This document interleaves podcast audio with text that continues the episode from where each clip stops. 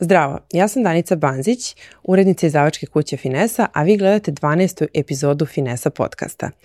Naš današnji gost je Tomislav Kuljiš. On je inače osnivač integralne telesne terapije i IPD Internationala.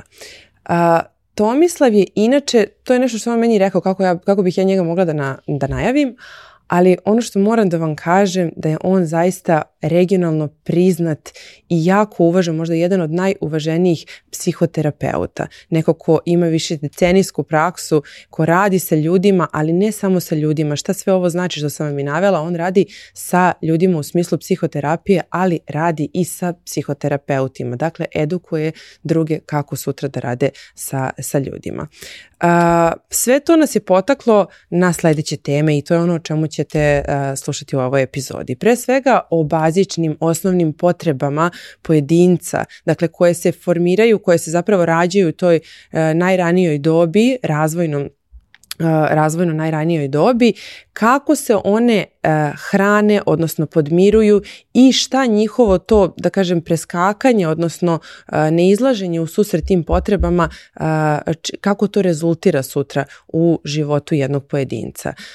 Dalje, pričamo o tome da li dete uopšte ikada odustane, dete u nama, da li ikada odustane od želje i potrebe za boljom prošlošću, e, kako izlazimo na kraj sa time, e, koliko je dodir važan, da li je važan, koliko je dodir važan, da li je pogled da li pogled može da se svrsta e, u nešto što bismo rekli da može da dodirne čoveka. Pričamo o tome, slušamo o tome u pesmama, vidimo to u filmovima, ali sad pričamo zaista koliko je dodir i koliko je pogled važan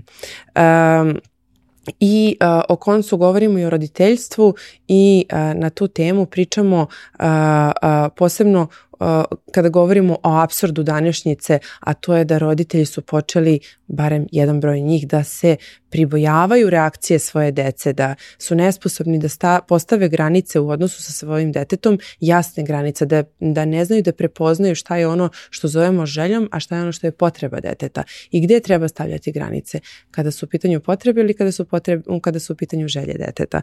Uh, to su sve neke teme na, ko, na koje smo pričali, o kojima smo govorili, tako da verujem da ćete zaista uživati i svašta nešto naučiti sa Tomislavom. Hvala vam.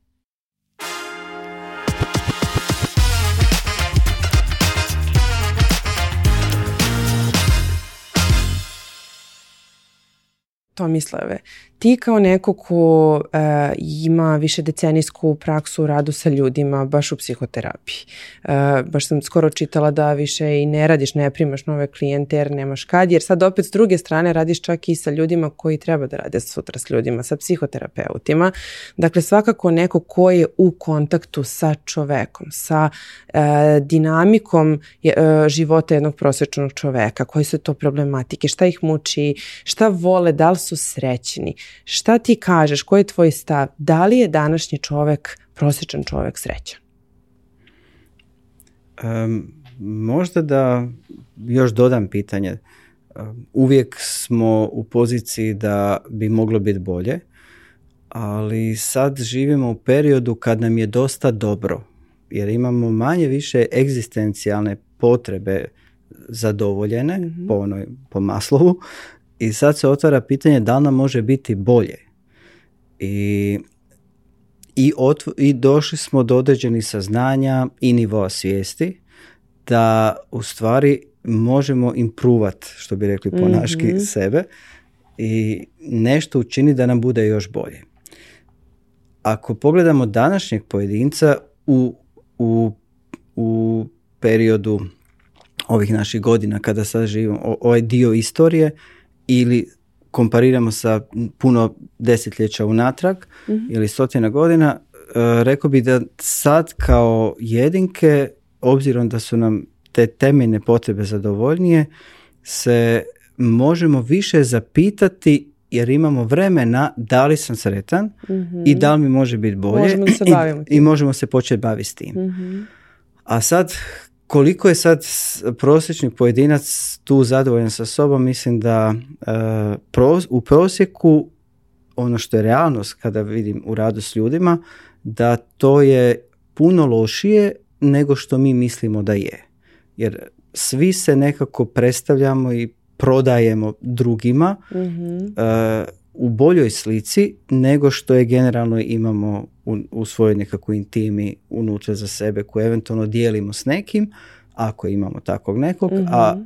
u konačnici se dijeli s terapeutom i onda možda su terapeuti oni koji imaju najbolji uvid kakvo je stvarno mhm. stanje. Kažem, stanje je lošije nije katastrofa, ali puno lošije od onog što nam se čini. S obzirom na to da imamo maltene upravo prema Maslovu sve uslove smo stekli za to da budemo srećni, dešava se nešto, a to je da često nailazimo na ljude iz eh, nekog najbližeg okruženja koji uz sve moguće kapacitete, možda intelektualne, kognitivne koje imaju, eh, se često nalaze u nekom lupu da se iznova, iznova javljaju e, isti problemi, možda nesposobnost da se razvije neki blizak, autentično blizak odnos. Zašto se to dešava? Dakle, dvije su glavne vrste problematika koje ljude muče. Jedna je što se spomenulo na području odnosa, e, naša potreba za odnosima je u stvari utkana u našu neurofiziologiju. Mi smo bića koja moraju imati kontakt i odnos da bismo u stvari regulirali svoju, svoju neurofiziologiju, da bismo se, što bi rekli u narodu, osjećali dobro. Mhm. I ekskomunikacija i izolacija, u stvari e, bolna za ljudsko biće, jer u stvari zapadamo, naš, naš sistem, naš organizam zapada u loše stanje, mi se kroz mm. odnose reguliramo. I sad pitanje kakvi su naše, naši programi, softveri za uspostavljanje odnosa sa drugim ljudskim bićima, pogotovo emocionalnih odnosa sa partnerim, mm-hmm. ljubavnih odnosa, mm reći. Mhm. A onda i roditeljstvo i svi ostali. Dakle, to je tematika koja obično muči ljude i odnosi su mjesto najvećeg potencijala, najvećeg ispunjenja i najvećeg povriđivanja. I mhm. prečesto bivaju mjesto velikog povređivanja. S druge strane, ono što ne ide muči ljude je u stvari odnos sa sobom i mhm. afirmacija sebe i osjećaj realizacije sebe, da li ja živim sebe, da li ja znam ko sam, da li ja imam osjećaj svr, ishodnosti mog postojanja, smisla mog postojanja. To je sad neki viši level, ali kad su nam zadovoljeni ovi niži leveli egzistencijalni, onda se dolazi do te teme ono, šta, zašto sam tu. Ali prije toga dolazi ona problematika, to je već napredna vrsta problematike mhm. ovoga. Prije toga u stvari da li jesam, koliko me ima, koliko sam stvaran, koliko sam autentičan, da li me iko poznaje kako sam ja stvarno, da li ja živim sebe na van onako kako se osjećam unutra. Mhm. I to je tematika gdje veliki broj ljudi ima dosta problema s tim. Mhm. A... I pitala si me u biti otkud gdje dva, e, odnosno gdje te problematike imaju korijen i kad, kad krenemo, pogotovo kroz rad s ljudima, kad tražimo zašto je to tako, zašto imam problema u odnosima, u, s odnosu sa tako sobom, je, pominju i ostalo da se... dolazimo u stvari u period kad se stvari formatira, eh, događa u stvari onaj, kad je u toku razvoj eh, ili bolje rečeno senzitivni period razvoja ljudskog bića kad se potencijali koje nosimo u sebi za funkcioniranje pozitivno, uspješno na sve ove teme, kad se to sve treba dogoditi, a to se sve događa unutar prvih nekoliko godina, najviše, naravno mm postoje faze i kasnije koje se nadodaju, mm ali ovo je ono temelj cijele priče, a to se treba dogoditi kroz interakciju sa roditeljima ili drugim e, važnim osobama, važnim mhm. emocionalno važnim osobama, mhm. gdje se u stvari djetetom, evo mogu se vratiti na ovoga, taj pojam mozak u stvari uprogramirava i gdje djetetov e, sistem razvija softvera, ajmo sad modernije tako reći, e, kapacitete da to sve zna raditi. Naime, imamo jedan možda paradoks ljudi kojima su ove stvari bliske u smislu da su jako funkcionalni i na mhm. jednu i na drugu temu odnos mm sa mhm. sobom i odnos sa drugima, mhm. njima je to kao vode se napiti i ne razmišljaju o tome i ne mogu shvatiti da neko drugi, ne, može. A oni koji ne mogu nešto od toga, više ili manje da ne mogu, imaju neki način hendikep oko toga, vrlo često i ne znaju da ne mogu, dakle nisu svjesni, doživljavaju da, da su ovi drugi krivi i loši i mhm. problematični, ne vide svoju mhm. problematiku. Eventualno naprednija varijanta je da postaju svjesni da oni imaju problem mhm. i onda otvoreno kažu ja ne znam kako se to radi. Ja bih htio sa svojom ne znam, s ženom, mužem, partnerom, djetetom. Biti bliski. Biti blizak, sve skupa, ali ja ne znam, moj sistem ne zna kako se to mhm. radi. Ja bih htio to naučiti, ali to nije nešto što se uči kroz čitanje knjiga ili vikend radionicu. To je nešto što je duži proces, ali jednostavno njegov sistem, njegovo nesvjesno, nema softvere za uspostavljanje kvalitetnih odnosa. Dobro, e, moje sljedeće pitanje na koje pretpostavljam da znam odgovor, ali opet nadovezat ću se na nešto što, sam, što, je inače i, i negdje iz mog ličnog života. Znači, moje sljedeće pitanje bi bilo, ok, da li, to može da, da se nauči kasnije? S jedne strane, pričamo o ranom razvoju, s druge strane, ja sad evo znam da ukoliko dete ne razvije govor do treće godine, usled toga što ne čuje, a roditelji to ne mm. primete, mm-hmm. znači nisu skontali da dete ne čuje dobro, propustilo se to jer se mislilo da je dete lenjo, pa zna što je dečak, pa on kasnije progovara, pa sačekaj mm. malo i prođe taj kritični period, treća, četvrta godina i dete je trajno oštećeno u smislu mm-hmm. toga, dakle razvoja normalnog zdravog govora.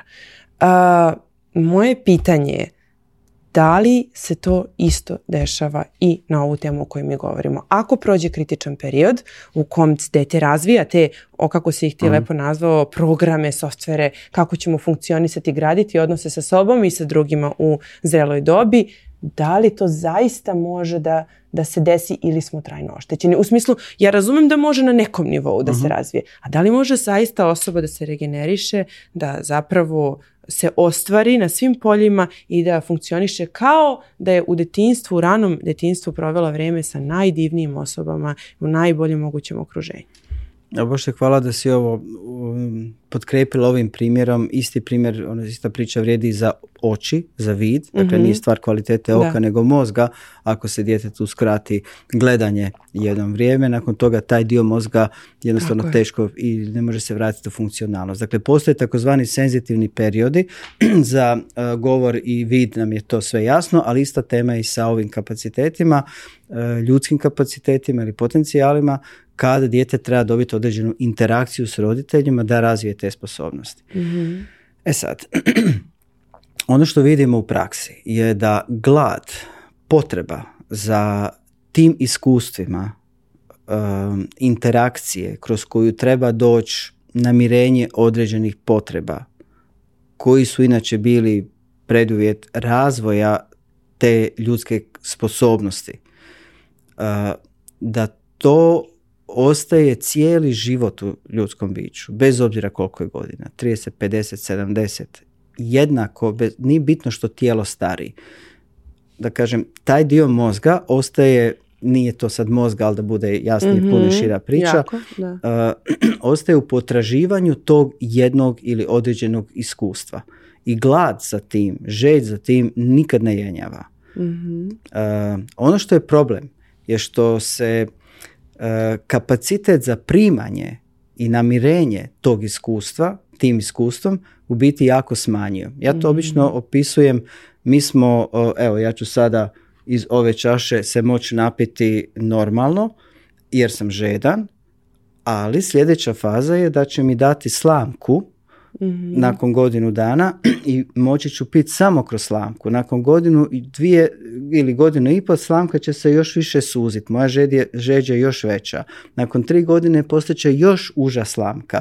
Ja ću uvlačiti, uvlačiti žeđe tu, ali ću moći jako malo Popiti pa toga... fizički, da, Evo, nekako da dam tu metaforu, analogiju za potreba ostaje, ali kapacitet za primanje je mhm. manji i treba puno više vremena ono što se moglo dogoditi i razviti sa djetetom u, senzitivnom periodu u smislu namirenja recimo potrebom za kontaktom mhm. i to je trebalo trajati par mjeseci u mhm. recimo fazi simbioze između mame i bebe. Uh, ako se to nije desilo, potreba za simbiotskim namirenjem, za stapanjem ostaje u nama, neko će ući iz tog poriva u partnerski odnos, u vezu, brak i njegov sistem će se nalijepiti, da tako kažem, na partnera i pokušavati ući u simbiotski proces, čak i ući na neki način.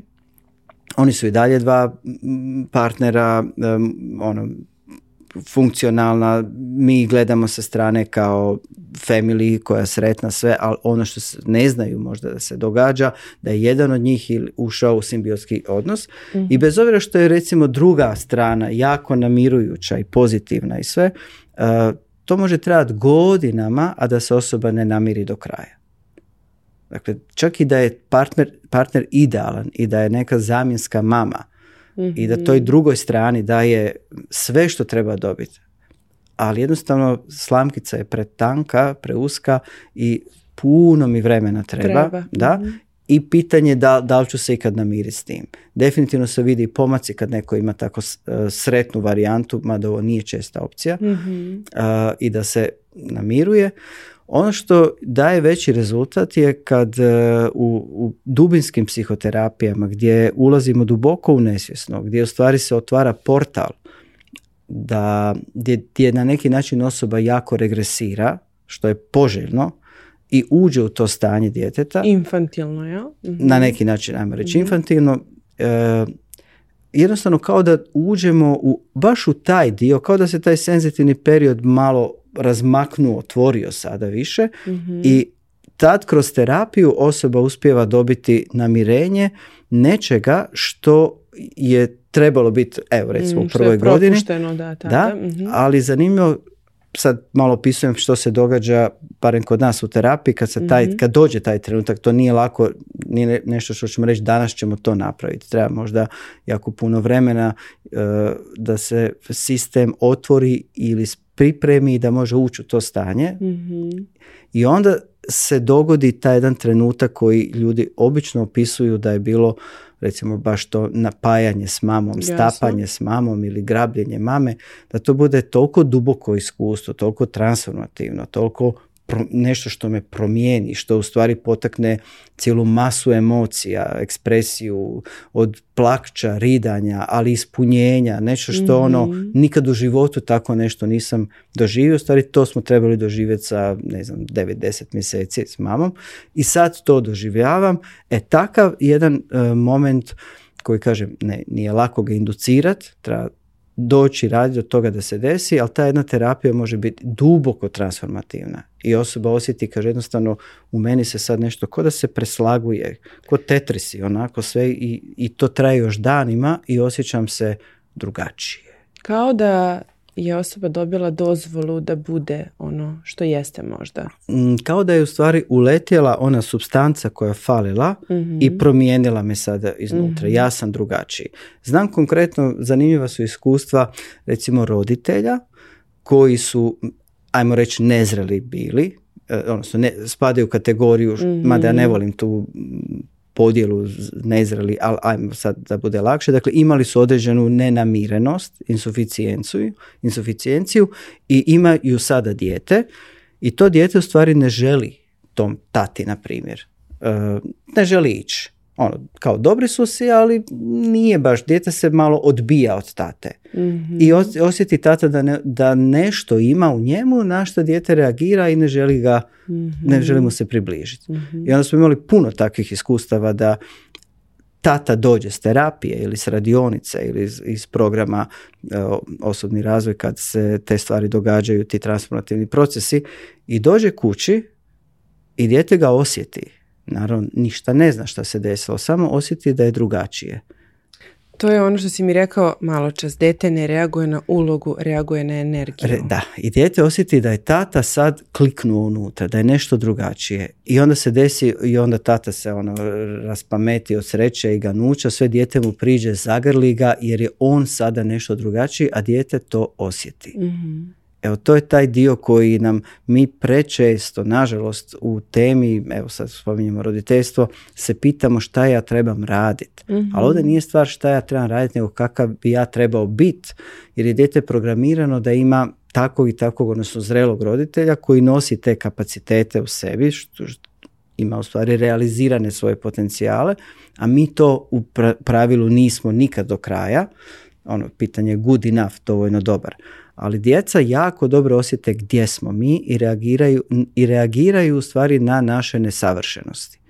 I mhm. nezadovoljni su često s nama, a mi mislimo da oni su loši i loše se ponašaju. A oni mhm. jednostavno reagiraju na našu... U su... Da, da. Mhm. Dobro, razumem. A da, da zaokružimo ovo pitanje pa da nastavim baš ovdje gdje si ti stao. E, znači, suštinski da, ta transformacija je moguća, ali od, e, od, znači uslovljena je time kolika je šteta ili propust načinjen u tom ranom formativnom periodu. Mhm. Dakle, od toga zavisi koliko dugo će trajati sam, sama transformacija. Da, i rad, ajmo reći kroz taj neki proces rada na sebi, kroz duboku psihoterapiju, e, ja uvijek naglašavam pojam e, startnih pozicija. Mm. Neko krene sa minus 2, neko s minus 3, neko s minus 12, a neko sa plus 1. Mm. I neko napravi jako veliki put je od, je od minus 12 došao do minus 2 i on još uvijek možda izgleda da nije baš sjajno, još uvijek loše funkcionira, ali napravio veliki posao na sebi. Čak veći od onog koji je krenuo s plus jedan. Da, da. Da, sećam se. Da, da, to je sjajno. Um, dobro, ali Sada da se nadovežem na ovo. Znaš i sam živimo u vremu instant namirivanja potreba. I sada ljudi koji su navikli upravo na to da sve instant dobijem jednim klikom, gladna sam, kucam, aplikacija mhm. stiže, sve.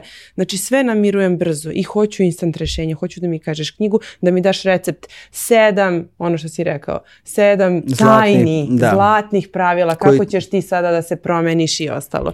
Reci mi, to je malo sada ne, nekongruentno upravo sa ovim da nešto mora zahteva vrijeme, da proces, znači nije mhm. projekat, ja nisam projekat, ne mogu sebe projektno da lečim, moram sebe procesno da lečim, a taj proces mora da traje i sigurno traje nekada mnogo, mnogo. Kako miriš ta dva? Kako se to je u, u, u tvojoj nekoj praksi? Kako? Pa na, naše iskustvo kad ljudi krenu sa programima i, i RAR, rani razvoj, utjecaj na život i osobni razvoj, u biti e, počinju uživati u procesu. Mm-hmm. Jer više mi nije stvar da želim brzo i što prije i doći do toga i toga, nego sam proces je već, dakle, putovanje je postignuće, nije cilj postignuće. I ne postoji e, destinacija na koju ćemo stići jednog dana. Mhm. Obično krećemo sa pitanjem tako često kod, kod početnika ono koliko meni treba terapija da ja riješim to i to. mm Ali u stvari to je taj konzumerizam, da tako kažem. A očekuju da sad ti kažeš 6 do 8, evo, e, dva si kod mene i to je to. I postoje, da, naime, terapijski pravci koji se bave uh, instant rješenjima. instant što apsolutno nije ništa loše u tome, mhm, mhm. jer neke stvari, neki pristupi se bave e, rješavanjem manifestacije problema, ne mhm, korijena problema i oni kroz nekoliko terapija jako mogu pomoći ljudima da riješe manifestaciju mhm. problema. Simptome, Simptome Da. Mhm, mhm. I to je za podržat Super. Uh, no, ako se neko odluči za bavljenje korijenom problema, e to traje dugo i to podrazumijeva transformaciju Eh, nisam sretan sa riječju eh, izlječenje, za, za liječenje. Možemo govoriti za cijeljenju kada govorimo o povredama, pa onda za mhm. cijeljenje ima smisla, ali eh, draža mi riječ i vodi nas u boljem smjeru kad govorimo o sazrijevanju. Mhm. Jer u biti nekakav lični ili osobni razvoj je u stvari nastavak sazrijevanja koje je zaustavljeno u ranom periodu i mi doslovno nastavljamo tamo gdje smo stali sa jednom, dvije, tri, pet godina u određenoj razvojnoj fazi jer je bila insuficijencija ili nedostatak namirenja određenih primarnih potreba ili se desilo određeno povređivanje, čak i traumatsko iskustvo koje onda treba zacijeljivati. Mhm. Ali u, principu neki rad na sebi doslovno je nastavak e, sazrijevanja ljudskog bića tamo gdje smo zapeli.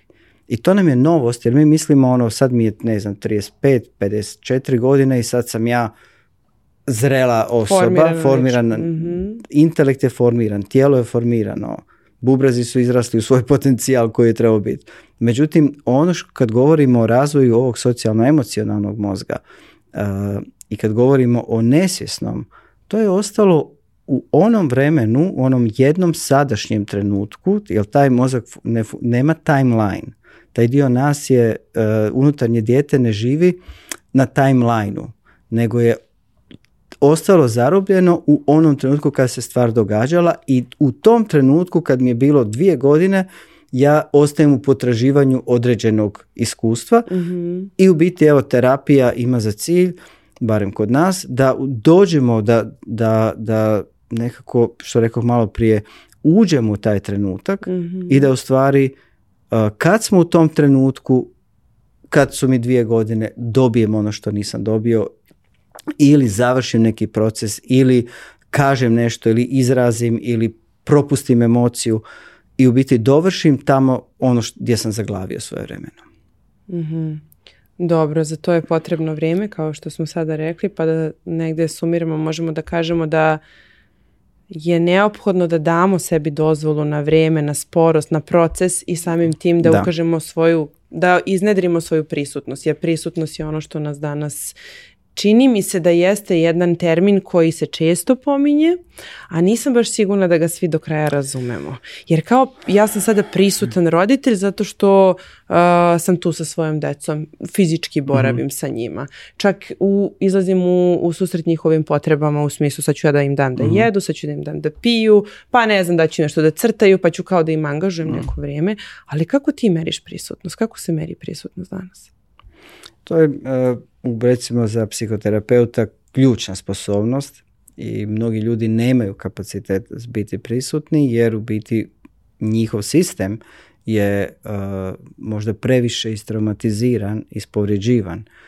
I ono što se desilo je da se onda brani e, disocijacijom i nemanjem ili smanjivanjem kontakta sa tijelom, sa emocijama, sa unutarnjim stanjem i osoba počinje funkcionirati i nastavlja cijeli život odživi i odživi cijeli život nesvjesna da nije svjesna. dakle, da nije prisutna, da nije povezana sa sobom. Bio sam svjedok trenutaka kad su ljudi kroz terapiju uspjevali ili prvi put u životu sjeli u tijelo, što mi kažemo, i postali prisutni u tijelu Znam da ovo mnogima čudno zvuči i nemoguće je to pisati dok to neko ne osjeti, ali ono što su bile rečenice ljudi je zar se može ovako živjeti? Zar se može iz ovog mjesta postojati? Zar je, e, jer ovo može biti, ja ovo nikad nisam osjetio, ja nisam znao da meni ovo fali, da ja to nemam. Ja ovo želim stalno, ja ne želim nikad izaći iz ovog stanja. Ovo je stvarno postojanje, ovo je ono, ja sam tu, ovdje, sada, sjeo u svoje tijelo, sjeo unutra, ja, ja sam unutra, ja sebe osjetim da sam unutra. Pokušavam dočarati to oduševljenje koje ljudi osjete kad se desi taj trenutak, a mnogi su odživjeli život da nik, i to niko sa strane ne vidi, eventualno možemo reći da je osoba malo neprisutna ili nešto, ali ne kužimo e, da je, ili čovjek ne kuži, da je sve to skupa njegov život mogao biti iz potpuno drugačijeg mjesta. mm i sad kad mi govorimo o prisutnosti, jako je teško objasniti ljudima jer ako cijeli život nisam bio u tome, ne znam ni o čemu pričaš. mm Pretpostavljam da je nešto drugo nego što je to mhm. stvarno. Ne mogu ni da vidim, jasno. Da. I vrlo često nikad nismo blizu bili osobe koja je duboko prisutna. mm recimo jedna od stvari u terapiji je isto kod nas sigurno i u drugim terapijama mogu govoriti o, nama zato što o integralnoj tjelesnoj psihoterapiji jer je tu imam iskustvo i, i mogu biti autentičan mhm. jer mi je to blisko i poznato. Ali trenutak, e, dakle, znalo je biti terapija da da klijent kaže, da osoba kaže ono, hajde nemojmo ništa pričati, samo budimo tu. Ovo mi je prvi put ovako da ja osjetim da si ti stvaran, i da sam ja sad, i da ja sad mogu biti stvara, stvarna ili što. I nikakve riječi, nikakav čin, nikakvo djelovanje, ništa, samo želim biti u ovom i ovo me mijenja. Ovo je nešto novo. Ja ne znam, ja to nikad nisam osjetio. To je vjerojatno ono što sam trebao od svoje mame a to mm nikad nisam dobio. Mhm. I meni je jako drago da je Marina Abramović, koju često spomenem, uh, u stvari ljudima kroz onaj svoj performans prisutnosti mhm. uh, približila ono što je sad snimano, što su ljudi doživjeli, a kako terapije se iz etičkih razloga ne mogu snimati, pa onda ljudi ne mogu to doživjeti. Evo, ona je napravila uslugu E, psihoterapijskoj branši time što je uprizorila što je ono što se u mnogim terapijama događa, e, pogotovo tu person therapy gdje je terapeut prisutan i samo to stanje njega mijenja klijenta. Mhm. I sad zamislimo dijete koje je odrasla, odrasta u mamu, koja je jedan dobar dio vremena ili povremeno barem u stanju koje je Marina uprizorila u tom svom performansu, to dijete je sasvim drugačija osoba samo zato što je ta mama bila takva. Mhm. Ok, moram naglasiti, ono što je Marina uprizorila je vrhunsko postignuće. To mnogi ljudi ne mogu, velika većina ne može. Ali prisutnost nije nešto što je ili nije, nego možemo staviti na skalu. Ako ona bila prisutna 87%, možda neko može biti 42%, mm-hmm. neko će 15%, mm-hmm. to hoću nekako naglasiti, ali je neprisutnost nešto što povrijeđuje, što boli.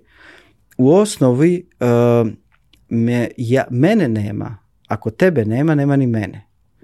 Da bih ja osjetio da mene ima, tebe mora biti da ti mene vidiš, da ja vidim da ti mene vidiš, da ti mene osjetiš, doživiš, onda ja mogu nastaviti doživljavati sebe. Mi smo mhm. kao vrsta na taj način formirani, ovo se u psihologiji e, lakše e, objasni kroz pojam formiranja ega, gdje u stvari mora biti interakcija i da bi ja formirao ego, nekome mora doživjeti, e, mirroring mi raditi, ali ako idemo na još dublji level postojanja, da bi ja osjetio da postoji, moraš ti jako postojat i biti tu i da ja tebe osjetim i da osjetim da ti osjećaš mene i onda ja počnem osjećati sebe. I to je to što se zna desiti u terapiji ljudima. Mhm.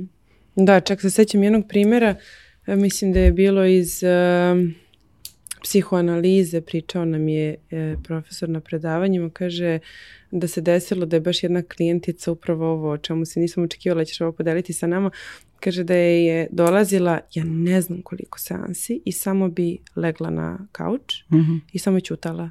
mm A njegova praksa je bila ta da sedi, da je tu, da je gleda i da ćuti i da je, mhm. da je to to. Mhm. Nije pitao, nije tražio, nije bockao, nije, nije je terao, nije ništa očekivao sve dok jednog dana se nije slomila, isplakala i zahvalila mu se na tome i rekla da je njoj upravo, a uporno je dolazila, nikad mhm. nije otkazivala, nikad ništa. Samo jednostavno to je bila njena bazična potreba na kojoj su radili i mi smo baš kao bili u fazonu zašto, zašto ste baš tako, mislim šta bismo mi radili, to ja mislim da je bilo pitanje šta biste vi radili. Mhm. Pa je krenulo, pa ja bi pitao, pa ja bi ono, pa ja bi ponudio ovo, pa ja bi mhm. ono i on je bio kao ne. To je bila njena bazična potreba. Tako da razumem to, da, sjajno. Dobro, a kada prestaje naša nada mm. da imamo bolju prošlost? Da li ikada prestaje? Da, da li nas, mislim svakako da nas prošlost definiše i da nas, jel tako, to je već nešto o čemu smo pričali, to rana iskustva i ostalo, a da li dete u nama ikada prestane da se nada da će imati bolju prošlost, da će imati bolje detinstvo, bolje roditelje, bolju situaciju? U biti je ovo nastavak na onu rečenicu nikad nije kasno da imamo sretno djetinstvo. Jel? Um, I kad, kad je u stvari, dokad postoji ta žudnja, nada. Um, prvo, nije svako u kontaktu sa svojim unutarnjim djetetom. A kad spominjemo i taj pojam, ja uvijek volim naglasiti da je to jedan pjesnički pojam koji nam mhm. pomaže da malo nekako doživimo. Ali kad malo konkretnije pogledamo o čemu se radi, to je čista neurofiziologija Eh, možemo proširiti i sa nekim drugim tematikama koje možda nisu toliko znanstvene, ali isto imaju smisla, ali ostavimo na ovim naučnim. Mhm. Dakle, neurofiziologija, razvoj mozga, mozga, razvoj, interpersonalna neurobiologija. Dakle, mi smo nedovršeni sistemi koji nikad ne prestaju imati žudnju, čežnju, težnju da se dovrše. Mhm. Dovršetak i naš razvoj ide kroz interakciju. Mhm. To je ta interpersonalno neurobiologija, dakle nešto kroz kontakt i odnos s drugima. Kroz namirenje određenih programa, kroz u stvari ostvarenje ili ispunjenje onoga zašto smo programirani. Mi smo došli na svijet sa točno određenim što trebamo dobiti u kojoj razvojnoj fazi. I sve što nismo dobili, mi u biti tražimo dalje. Kao da imamo avitaminozu nečega i uvijek nas ono, kad imamo vitaminozu, baš nam se jedu naranče. Baš nam se jede nešto. Pogotovo mame znaju osjetiti kad je organizam treba više zbog razvoja djeteta, pa onda imaju baš potrebu za nečim jer tijelo traži nešto. Evo tako je i sa ovim primarnim potrebama koje u stvari dolaze kroz odnos, nisu kroz nešto što se jede pije, ali kroz odnos. I taj dio se ne gasi u nama nikad, samo je pitanje da li ćemo mi biti u kontaktu s tom potrebom, čežnjom, žudnjom, gladi, žeđi da koja ide iznutra. Da li smo svjesni, da li smo u mhm. kontaktu, što smo više disocirani, što smo više pod obrambenim mehanizmima aktiviranim u nama, to smo manje u kontaktu s tim, ali to ne znači da to nije unutra. Um, tako da ne prestaje nikad, svjedok sam bio ljudi u poznim godinama, u 70 koji pričaju o svojoj čeži, da me tata nikad nije, da mi mama nikad nije, bez obzira što se radi o jako zreloj staroj osobi, da kažem, te potrebe su unutra, kao i prije 50, 60, 70, ta, tad se rodio. A šta je sa onima koji su, koji nisu svesni svojih potreba i disocirani, kako se to manifestuje kod njih, jer defi, taj, to neodustajanje. Sigurno postoji neki oblik kroz koji se I to... I onda to završava u partnerskim odnosima, ti meni nikad ne daš, ti meni nikad nisi, ti meni stalno radiš to, gdje u stvari ne vidim da je to moja potreba, da to što ti odlaziš ja ostajem sam ili sama, u stvari e, ljucam na tebe, zašto si ti tako, u stvari ne vidim da je to moja potreba, koja je u stvari poprilično infantilna, gdje u stvari nije problem što neko odlazi ili ga nema dovoljno ili nije prisutan ili nešto što nije za podržati, za pohvaliti, ali je problem zašto to mene toliko boli. mm i obično kažem negdje od ako smo od 1 do 10 da bude malo deskriptivniji e, ono količina potrebe i boli. Negdje od 1 do 5 je nešto što možemo reći da je i legitimno. Nije mi ok da nismo dovoljno skupa, volio bi ono sada ako smo u vezi, da se družimo, da izlazimo, da boravimo, da provodimo vrijeme, ono. ali ako pređem u zonu 7, 8, 10 i to mene boli i ljucam na tebe i želim te kazniti, želim te, onda se počnem svetiti, pa onda ja tebi radim ovo, radim ono, jel u stvari me boli, e to je u stvari naša odgovornost. Onda je trenutak da se zapitamo zašto mene to toliko boli.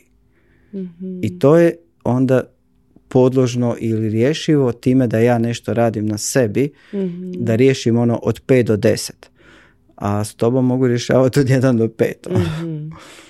A malo čas kako si rekao to, to na kako se odgovaraju, da, imamo, svi se rađamo sa jednim setom potreba i sada je pitanje toga kako se odgovara na njih. S druge strane, da, da li se mi rađamo sa različitim kapacitetima recimo za vulnerabilnošću i u tom smislu neka deca čini mi se su otpornija na to što sad ti kao tata recimo nisi uradio ovo ili ono, a neka su preosjetljiva, prenežna i onda opet to se završava na drugi način. Mogu samo potvrditi ovo što si postavila kao tezu, da i to uvijek nekako ističem, nisu sva djeca ista i rođena. Ehm, ista recimo mama za neko dijete će biti good enough, a za neko dijete će biti povrijeđujuća. U smislu, djeca imaju različita očekivanja, potraživanja, kapacitete, senzibilnost, E, tako da moramo biti svjesni da su djeca različite i za, za svako dijete treba biti e, druga, treba drugačiju vrstu roditelja, da tako kažem, koji će biti za njega idealna varijanta. No naravno nikad se neće desiti idealna varijanta, pa onda se vraćamo na ono Bolbijevo good enough. Mhm. Ali za svako dijete drugačija varijanta good enough mame. I tog moramo biti svjesni. Koliko je dodir važan? Pa kad si malo prije spomenula tu temu sa uh, terapeutom koji je samo bio prisutan, uh, se mm, klijenata ko, s kojima sam imao iskustvo gdje kao što je bilo e, to samo prisutnost, bilo je samo doslovno puno prvih terapija je bilo bez riječi i jedne riječi, čak ništa nisam znao osobi. Samo je bilo zagrljaj. Sat vremena zagrljaja dok se sistem nije namirio, gdje nisam ni jedno pitanje postavljao, jer bi već sve bilo previše. Gdje nije bilo sposobnosti niti za razgovor. Da se razumijemo, radi se o normalnoj osobi koja ima family, koja radi, koja ima posao, sve skupa. Međutim, ovdje se otvori onaj dio koji je bio nenamiren i onda puno, puno terapija, samo zagrljaja, čvrstog držanja sat vremena i sljedeći tjedan ponovo, i sljedeći tjedan ponovo. I onda kad se sistem namirio od toga, su se počele otvarati riječi, komunikacija i onda je to preraslo u sasvim normalno običajen rad. Ali trebali smo krenuti od početka, ono što je iz ovog jasno da taj entitet, to dijete, taj organizam e, nije doživljavao dodir ni kontakt fizički i to se može osjetiti, dakle dodir je važan, e, e, samo pitanje kakav dodir.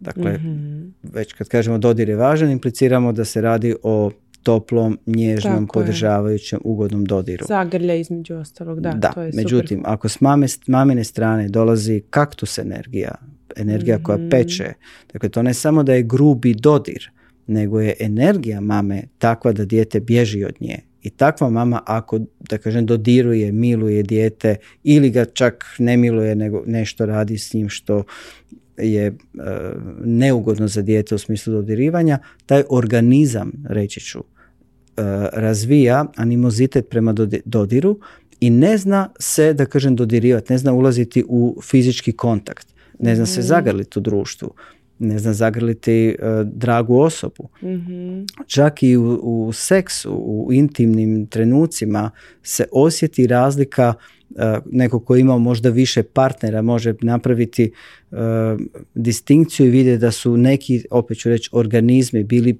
prijemčljiviji, kako se kaže, zahvalniji mhm. za kontakt i topliji u kontaktu, mogli se mhm. pustiti u kontakt, a neko jednostavno u kontaktu je rigidan, da se rigidan i, i ne zna ne znam, Dakle, mhm. nešto što se isto kroz dodir može rješavati, raditi. E sad opet pitanje, tu su tjelesne terapije u prednosti jer u tjelesnim se dodir podrazumijeva s tim da je edukacija i kako kako bi rekao, jako rigorozna na tu temu jer je mhm. dodir e, jako treba znati i osjetiti koja vrsta, koja količina, na koji način dodira može biti primjerena nekoj osobi. Mm-hmm. Dakle, doslovno s nekim možemo raditi godinama, a da se još nismo ni rukovali. Mhm. A s nekim će od prvog trenutka zagrljaj biti najnormalnija stvar ali negdje cilj je da se dođe do toga i da najrigidniji sistem koji je najviše ispovređivan se može pustiti u kontaktu, dodir s, terapeutom i u zagrljaj i kroz to počne transformacija, učenje kontakta sa drugim ljudskim bićem koje će sutra prenijeti u zagrljaj sa svojim djetetom ili zagrljaj sa svojim partnerom u odnosu, ali s nekim trebam krenuti u ko u stvari osjeti koji je moj kapacitet, poštuje moj kapacitet za dodir i kontakt, i polako, polako me uvodi u veći kapacitet za dodir i kontakt. Ali ako to se mhm. napravi prejako i i pregrubo, sistem se samo povuče i, i onda smo samo unazadili cijeli proces. Mhm. E, skoro sam baš slušala neki podcast i sad morala bih da, da pogledam kako je ime gost, gošće koja je bila, ona je ne, da je iz Londona ide klinički psihoterapeut i svašta nešto, svačemu nečemu priča, između ostalog zašto je važno da spavamo zajedno s partnerom, zašto je to zdravo uh-huh. i sad ona uvek to vraća negde na neku evolutivnu ravan i kaže da pričali je dodiru i onda se nadovezla na pogled, zašto je mm. pogled važan. I onda mm. je pravila neku slepu korelaciju, ali pričala o tome koliko je bitno gledati desnom okom, desno oko osobe s kojom razgovaramo. Da je to nešto u suštini koje, što se razvilo još u, u vremenu odojaštva u suštini mm. kad je majka držala dete pod pretpostavkom da je desnoruka i da se forsira desna strana, da je ona u suštini tako gledala desno oko deteta i ostalo i da se to negdje sad uliva, ne znam da se, šta se tu sad okida u mozgu, kako to funkcioniše. Moje pitanje je da, ok, ovdje smo sada ustanovili da dodir kao takav, zagrljaj, može da kompenzuje reči. Ne moraš da mi kažeš, ako te grlim ja mogu i da osjećam, jel tako? I da, da razgovaram s tobom zagrljajem.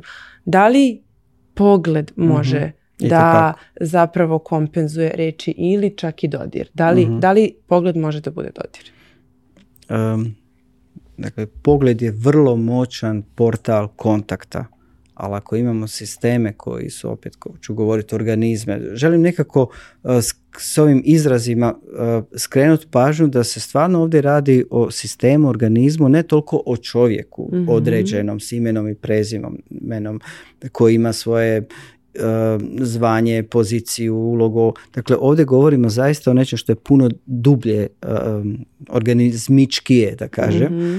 E, I ako je u ranom periodu osoba prošla lošije u smislu ostvarivanja kontakta, na prvu ruku se odmah vidi kroz kapacitet za eye contact mm Gdje ako sada partner ili terapeut ajde govorit ću o terapeutu, ima ili nije svjestan kapaciteta osobe, on sa tim eye kontaktom pretjeranim i stalnim gledanjem u osobu mhm. u stvari je povrijeđuje. Mhm. I osoba vrlo često i nije svjesna da se ne osjeća ugodno mhm. i onda se možda i ne želi više vratiti tom terapeutu jer si me previše gledao. I prelazi u stvari moje kapacitete za kontakt, mogli bi reći moje granice, ali u stvari moje kapacitete za kontakt. Mhm. I tu je recimo jedna od normalnih stvari da u terapiji kažem ok, ja te neću pogledati dok mi ti ne dozvoliš. Mhm. Dok me ne pozoveš. Mhm. I to će trajati onoliko koliko mi ti kažeš da ti je ok. Ali to je već neka druga faza kad se malo već zbližimo. Hoću samo reći da je e, gledanje E, i kapacitet za gledanje u stvari nam jako puno kažu o tome kako je taj sistem organizam prošao u ranom periodu i obično je to dio paketa aranžmana jedne problematike ili ne problematike, tematike u smislu i građe tijela i e, vrste e, tipologije bolesti kojima je taj organizam sklon i funkcioniranje u partnerskim odnosima i funkcioniranje u odnosu prema svom djetetu sutra ako bude ga imala mhm. ili imao. E, tako da je to je samo jedan dio koji ima e, koji je dio paketa aranžmana. Mhm. I čim se vidi da neko ima vrlo avoidant prema mhm. gledanju, da nema kapacitet za to, već je puno toga jasnije, ali već je veliko postignuće nekad treba mjeseci, ako ne i godina za to, da se promijeni kapacitet i da osoba u stvari može s terapeutom imati e, ugodan eye contact. I to je, to je ukazatelj značajnih poboljšanja, promjena, mhm. koja se događaju, gdje na kraju dođe do toga da u stvari može sa drugim ljudima imati eye contact, odnosno može biti u kontaktu. Da, to je posebno onako uočljivo kada razgovaramo sa odraslima. Mhm. A kad razgovaramo sa decom, čini mi se da sa njima i ne mora nužno da to znači, da su ona nekad sama po sebi u tim nekim uzrasnim dobima prilično stidljiva i da onda ne mora nužno značiti ako dete izbjegava pogled da se radi o tome, nego da prosto je, ta faza i imamo opet senzibilniju djecu što smo mhm. rekli, dakle koja će biti više po, povlačit će se iz mhm. kontakta s kojima treba puno nježnije pristupiti da bi ih dobili u odnosi kontakt, što je u biti za roditelj, ali ono što je bitno da li roditelj ima sa djetetom taj kontakt dobar. E, dijete ako je stidljivije će sa svim s kojima nema attachment, pogotovo druga, treća, četvrta godina u stvari biti, uh, ima tendenciju pogotovo curice ili senzibilnija djeca da se u stvari povlače iz odnosa dok ne zaslužiš moje povjerenje. Mhm. Što je, ima svoju i, i objašnjenje zašto djeca nisu programirana da ulaze u kontakt i odnos sa strancima da mhm. njima roditelj ne mora reći to. Mhm. u biti ulaze u kontakt i odnos samo sa onima koji su mi iz mog roda, da kažem, mhm. bliski, što u stvari ima i svoju evolucijsku funkciju da u stvari me odgajaju, postajem otvoren da me programiraju oni koji su moji. Mhm. I ne dam da me programiraju oni koji su stranci. I mhm. time u stvari ostajem e, bliski svom rodu plemenu, i plemenu ili familiji da, kojoj da, pripadam. Da, da, da. jasno. Super. E, malo čas sam pomenula to smo razgovarali koliko danas su negde roditelji u stresu, opet se vraćam na roditeljstvo, koliko su u stresu da će oštetiti na neki način svoje dete ukoliko ne, ne daju dozvolu na svašta nešto. Pa to stvarno ode u neki absurd do te mere da roditelj zapravo osjeća da gubi, apsolutno gubi moć. Mada ne znam koliko je lepo reći moć nad svojim detetom, ali generalno mhm. kontrolu nad eh, svojom porodicom, konkretno tičući se dece i da djeca zapravo imaju moć nad samim svojim roditeljima da ništa ne mogu da, da, da, urade, da promene to i da na kraju krajeva pomognu svoje deci da budu bolji ljudi, zreli ljudi sutra. Kako, kako, kako ti to vidiš? Uf, naime, kad je krenuo koncept attachment parentinga, mhm. um, to je već jedna bila velika revolucija gdje se pokušavalo i uspjevalo. Danas je to mainstream, prije je bilo teška alternativa gdje se u stvari tijelo ljudima roditeljima ukazati koliko je bitno sve ono što danas mhm. znamo kroz šafali, gabora i slično. Mhm ja nisam htio ono što mi radimo, mi spadamo u attachment parenting, ali nisam se htio nekako predijeliti. Ideja je bila da u stvari damo poruku prirodnog roditeljstva u smislu ono roditeljstvo kako dijete treba i očekuje zašto je programirano, mhm. a ne da ajmo smisliti neke metode i tehnike kojima ćemo bolje postići i dobiti poželjno ponašanje djeteta. Dakle, mhm. upravo suprotno od toga što su razne metode, ajmo napraviti, ajmo u stvari otkrit i sagledat koje su stvarne potrebe djeteta i krenuti iz njegovih cipela i mhm. biti dati mu ono što mu treba za razvoj. mm E sad, u tom procesu razvoja dijete definitivno treba roditelja koji ima sebe, koji ima stav, koji ima granice, koji ima e, kapacitet za reći ne, ne može, ne dam. Mhm. koji će dijete staviti ono što je Erik Erikson zvao e, razvojno poticajnu frustraciju. mm mi govorimo o razvojno poticajnom stresu. Mhm. Dakle, dijete koje raste pod staklenim zvonom Tako, je bez u biti stresa, bez, stresa u stvari postaje disfunkcionalno mm-hmm. ili mhm. lošije funkcionalno u svijetu kasnije kao odrasla osoba. No taj stres i taj e, frustracija mora biti primjerana opet tom senzibilitetu tom djetetu. Ako imamo hipersenzibilno dijete, tu moramo raditi male pomake stresa i mhm. frustracije, u protivnom ga prebacimo u crveno. I mhm. onda u biti ulazi u toksični stres. Mhm. Tako da i taj dio treba naći e, mjeru. No, ovo što spominješ kao temu, e, u konačnici ta problematika da su roditelji postali ko po jajima da hodaju, mhm. gdje u stvari smo umjesto uh, attach, attachment parentinga ili prirodnog roditeljstva koje dijete treba ostvarili, dobili permisivno roditeljstvo. Što u stvari je jednako loša stvar kao i autoritarno mhm. roditeljstvo. pravi isto tako veliku štetu i ta djeca se osjećaju vrlo nesigurna u svijetu. I nemaju dobar odnos s roditeljima i nisu dobili ono što im treba da bi se ocjelovili u nekakvu cjelovitu osobnost, sličnost. najčešće problematika je opet u roditeljima, ne u knjigama, mhm. ne u, dakle te knjige su pale na plodno tlo, gdje u stvari najčešće imamo roditelja koji nema sebe, koji nema stav, koji nema energiju, koji u stvari je dobio u krivo protumačenim porukama iz knjiga ili radionica ili učenja uh, autora koji dolaze iz tog područja mm attachment parentinga koji je dobio izliku da sad ne radi ništa jer i onako nema kapacitet da napravi nešto i nije mhm. taj roditelj loš uh, on je loš po dijete u smislu razvojno poticajan odnosno razvojno inhibitoran na taj način ali nije on loša osoba loš čovjek to, za mene je to moj klijent mhm. koji u stvari najčešće ima debele razloge zašto nešto ne može.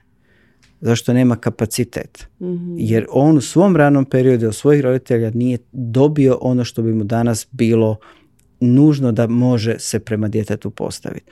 On možda nosi strah od odbacivanja koji je ugrađen u njegov sistem zbog tog što sa mamom ili tatom ili oboje nije uspjevao ostvariti odnos i sad mu dođe dijete i on je u određenom transferu s tim vlastitim djetetom i nosi strah od odbacivanja od vlastitog djeteta. I mhm. onda mu povlađuje jer u stvari je pobrkao malo uloge što se mhm. događa i u biti radi štetu djetetu. Ali on je za mene osoba koja treba pomoć, podršku, ne osudu, ne kritiziranje, nije dobro njegovo stanje nije dobro njemu, ali nije dobro ni za njegovo dijete. I mhm. tu ima pomoći, to je dublji rad na sebi konkretniji i bio sam isto svjedok e, roditelja koji su doživjeli tu transformaciju od permisivnog roditelja isključivo zato što nije imao kapacitet jer nije imao sebe, nije imao stava, mm nije imao mhm. energiju za postaviti granicu do toga da se stvar promijenila i da je to sad vrlo drugačija osoba i dijete vrlo drugačije reagira. Ali nije bilo dovoljno da mu neko to ispriča, kaže i pročita knjigu, mora nešto i tekako konkretno napraviti na sebi da bi došao do tog kapaciteta. Mhm. Da, sjajno. A jer se e, generalno osvrćete puno na, mislim, u, psihoterapiji ovoj. Mhm. E, da li se puno osvrćete na Aleksandra Lovena, na Rajha i na u tom smislu telesnu? Pa Loven, Rajh, Pirakos, eh, Ra, eh, Kelly su eh, začetni, naravno Rajh, pa škole koje su od mhm. njega krenuli su začetnici tjelesnih psihoterapija i to su prvobitne mhm. psihoterapijske škole.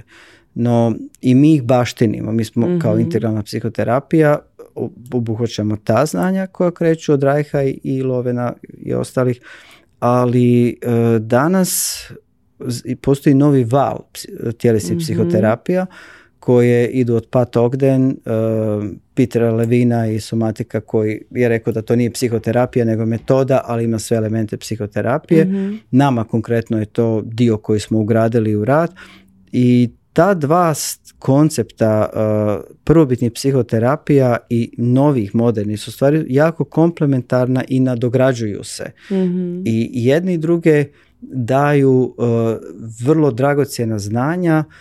Uh, naravno da se koja su korisna za rad s ljudima. Naravno da se u početku pioniri su pioniri i Freud je bio pionir i Jung je bio pionir na neki način i nisu znali puno toga što se kasnije znalo. mm Njihova veličina što su probili led i dali određenu fundu saznanja mhm. koji su dosegnuli u tom trenutku. Kasnije, kroz desetljeća su došla modernija znanja, Danas e, stare psihoterapije su se bavile više armoringom, dakle tim oklopom u smislu mm tjelesnim blokovima koji zadržavaju emocije, gdje u stvari se radi na otvaranju, otpuštanju tih blokova kako bi emocije prošle. No danas je stvar postala kroz ove moderne tjelesne psihoterapije puno subtilnija mhm. Ja se osjećam jako sretnim sa tim, s tom subtilnošću i ona je nama u ITP-u e, fundament rada jer je itekako bitna e, gdje u stvari danas e, kad kažemo da je tjelesna psihoterapija više govorimo, bar za mene, o radu sa organizmom i o mhm. radu sa autonomnim nervnim sistemom. Mhm.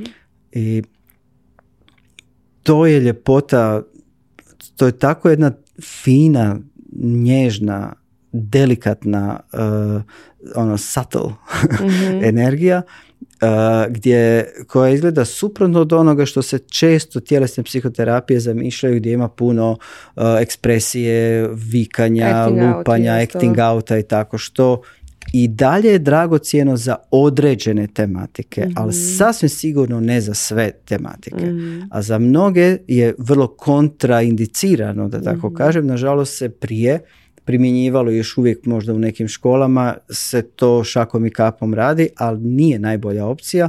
Dakle, treba znati kad kad s kojom tematikom, s kojim klijentom primijeniti jedan pristup, a kad raditi ovaj drugi pristup. Mhm. Dobro, pa hoćeš li mi sada onda reći možda šta je ono što ti čitaš sada, to je nešto što volimo da znamo, tako da otprilike sa gostima popričamo, šta je ono što ti čitaš i možda sad u kontekstu ovoga što sam ti rekla, a, da li bi mi dao neku preporuku za knjigu, pošto ja sam se do sada generalno um, impresionirao me Levin, i u mhm. suštini to sam čitala i glas tela, govor tela, bioenergetika, ali s obzirom, eto vidiš ti si sada, ne Loven Aleksandra Loven, mhm. nego si sad e, pomenuo Levina pa e, mi je ostalo u glavi, Lovena sam čitala, a šta je ono što bi mi preporučio možda da nadovežem sada, što bi bilo moglo lepo da stane, a da je modernije. Da. je malo. E, upravo sam dobio neki dan u ruke prvi primjerak knjige od Valid Dao. Njega u Beogradu znaju. On je Ehm, nasljednik e, Pierakosa e, koji je sa Lovenom bio e, zajedno radio bioenergetsku analizu, pa se odvojio i napravio svoj Core Energetics. Valid je njegov učenik i on je razvio svoj Core Development koncept. U Švicarskoj je imao školu ehm, i danas je član tipa, tima IPD-a i teacher kod nas na voditeljskom treningu. Ovoga, Inače imamo više tih nasljednika. Lovena je uh, Heine Štekel mhm. i on je isto dio tima i mhm. radi edukaciju na petoj i šestoj godini. Uh, imamo i Olafa Trapa iz bioenergetske analize i još neke e, strane tičere koji rade influence na nas što me jako raduje jer svaki taj, taj doprinos njihov da baš, čini... baš, baš da, nas da. obogaćuje baš nam daje puno dobivamo od toga kao škole i naši studenti i polaznice no uh, valid je upravo E, izdao svoju knjigu koja je inače na njemačkom i sad je napravio na engleskom i poslao mi je prvi primjerak i sad sam evo baš počeo čitati i tu mi je u hotelu ovoga i u stvari ideja mi ćemo je po svojoj prilici prevest, možda ćemo razgovarati o izdavanju u, u, Beogradu, ovoga, gdje je u stvari napravio jednu, jedan big picture cijelog tog rada, e, koncepta i ranog razvoja i rada na sebi, u stvari manje više ona tematika o kojoj mi govorimo, to je nekako njegovo životno djelo. E, pa eto, kad si me pitala šta čitam, Sjajno. mislim da se zove Power of the Heart, ali u stvari tema je baš ovo, ovo o čemu mi smo cijelo vrijeme govorili. Sjajno. Ništa onda nastavljamo ovaj, da se dogovaramo oko toga. Moramo sve to prevesti, nema šta. Um, dobro, ko te je inspirisao recimo u posljednje vrijeme, ne znam, nedelju dana, mjesec dana? Ko je to inspirisao Tomislava Kuriša? Pa u biti sad sam baš u procesu e, neke doedukacije e, koja mi je pod obaveznu, mhm. ali me e, ali mi se sviđa jer počinjem od odnosno dolaze mi stvari koje, za koje možda nisam imao vremena ni interesa prije začitati Eh, koncepti eh, iz ovog opet našeg područja, mhm. uglavnom psihologija i u stvari me, ono što me oduševljava i nikad se neću prestati oduševljavati tim, tim bogatstvom pristupa različitih ljudi, različitih autora, vrlo često eh, su kontradiktorni ili se ne slažu ili mhm. imaju različite ideje i koncepcije o nečem ali me uvijek nekako nadahnjuje taj osjećaj da svaki autor nosi neki dijelić istine i da daje svoj doprinos nekoj sveobuhvatnoj slici i razumijevanju čovjeka i da ako želimo dublje stvarno shvatiti ljudsko biće kako bi mogli pomoć, obzirom da se mhm. time bavimo kao psihoterapeuti, Eh, je u stvari tako dragocijeno imati eh, influence, dozvoliti si influence vrlo različitih eh, autora na, ovoga, na, sebe kao opet neko ko, ko radi s ljudima. trenutno mi je Erik Erikson ovoga, mhm. opet ga nekako otkrivam i, i uvijek se iznenadim toj genijalnosti koja je bila u tom vremenu i pionirstvo u tom vremenu, danas mi te stvari uzimamo zdravo za gotovo, a u stvari taj proces da se dođe do nekoga je u stvari neč, nekog stava, nekog, neke informacije, neke teorije, u stvari tako mukotrba mm proces i vrijedan respekta i divljenja. Evo. Da, slažem se. Super. Znači, možemo da kažemo Erik Erikson. Evo, trenutno. Da. Trenutno, dobro. Super. Prije nego što završimo, htjela bi samo da te zamolim da podeliš sa nama, sa, sa slušalcima i gledalcima šta je, šta je to što očekujem u aprilu, događaj koji će se održati ovdje kod nas u Beogradu, na šta ja jedva čekam da, da dođem i da te slušam, ali možeš nešto malo više da mi kažeš o tome? Pa u organizaciji platforme eh, svjesnost uh, revolucije, revolution ili evolution svjesnosti Eh, Conscious Revolution je, eh, ću imati predavanje u Madlenijanomu 13.4. Mm-hmm. Mhm. Tema će biti ovo čemu govorimo, mhm. eh, odnosi, nekako ćemo se vrtiti oko odnosa, ali volio bih nekako da dublje zaronimo u tu priču i da ljudi dobiju priliku malo stvarnije razumjeti sebe i background onoga što nam se dnevno događa u, u životu, u kontaktima, u odnosima i kako si nešto možemo unaprijediti, mhm. pomoći. I nekako cijelo vrijeme mi je intencija, ko što je moja želj za razumijevanjem sebe, mislim da je to to postoji kao čežnja i potreba u mnogim ljudima, neću reći svim ljudima, mhm. ali u mnogim ljudima. Pa oni koje zanima u stvari, ovo što čemu govorim u stvari vodi ka tome da bolje razumijem sebe, zašto sam takav kakav jesam, zašto funkcioniram u odnosima a ne mogu to drugačije, šta je korijen toga i eventualno koje stvari mogu mijenjati, na koji od načina, jer neke stvari su možda na plitkoj problematici pa se lakše mogu promijeniti, a ako mhm. su na dubinskoj problematici onda da barem shvatimo zašto mi ne ide od ruke da pročitam knjigu ili dobijem savjet i onda sam frustriran što to ne mogu promijeniti jer mhm. naravno da ne mogu promijeniti jer je jako duboko ugravirano moj sistem. Mhm. Evo tako da 13.4. Madlenijanu. 13.4. vidimo se u Madlenijanu. Hvala ti. Hvala ti mnogo na izvojnom vremenu za nas. Baš nam je značilo i mm, verujem da će svi uživati u svemu ovome. Hvala ti. Hvala. Pozdrav.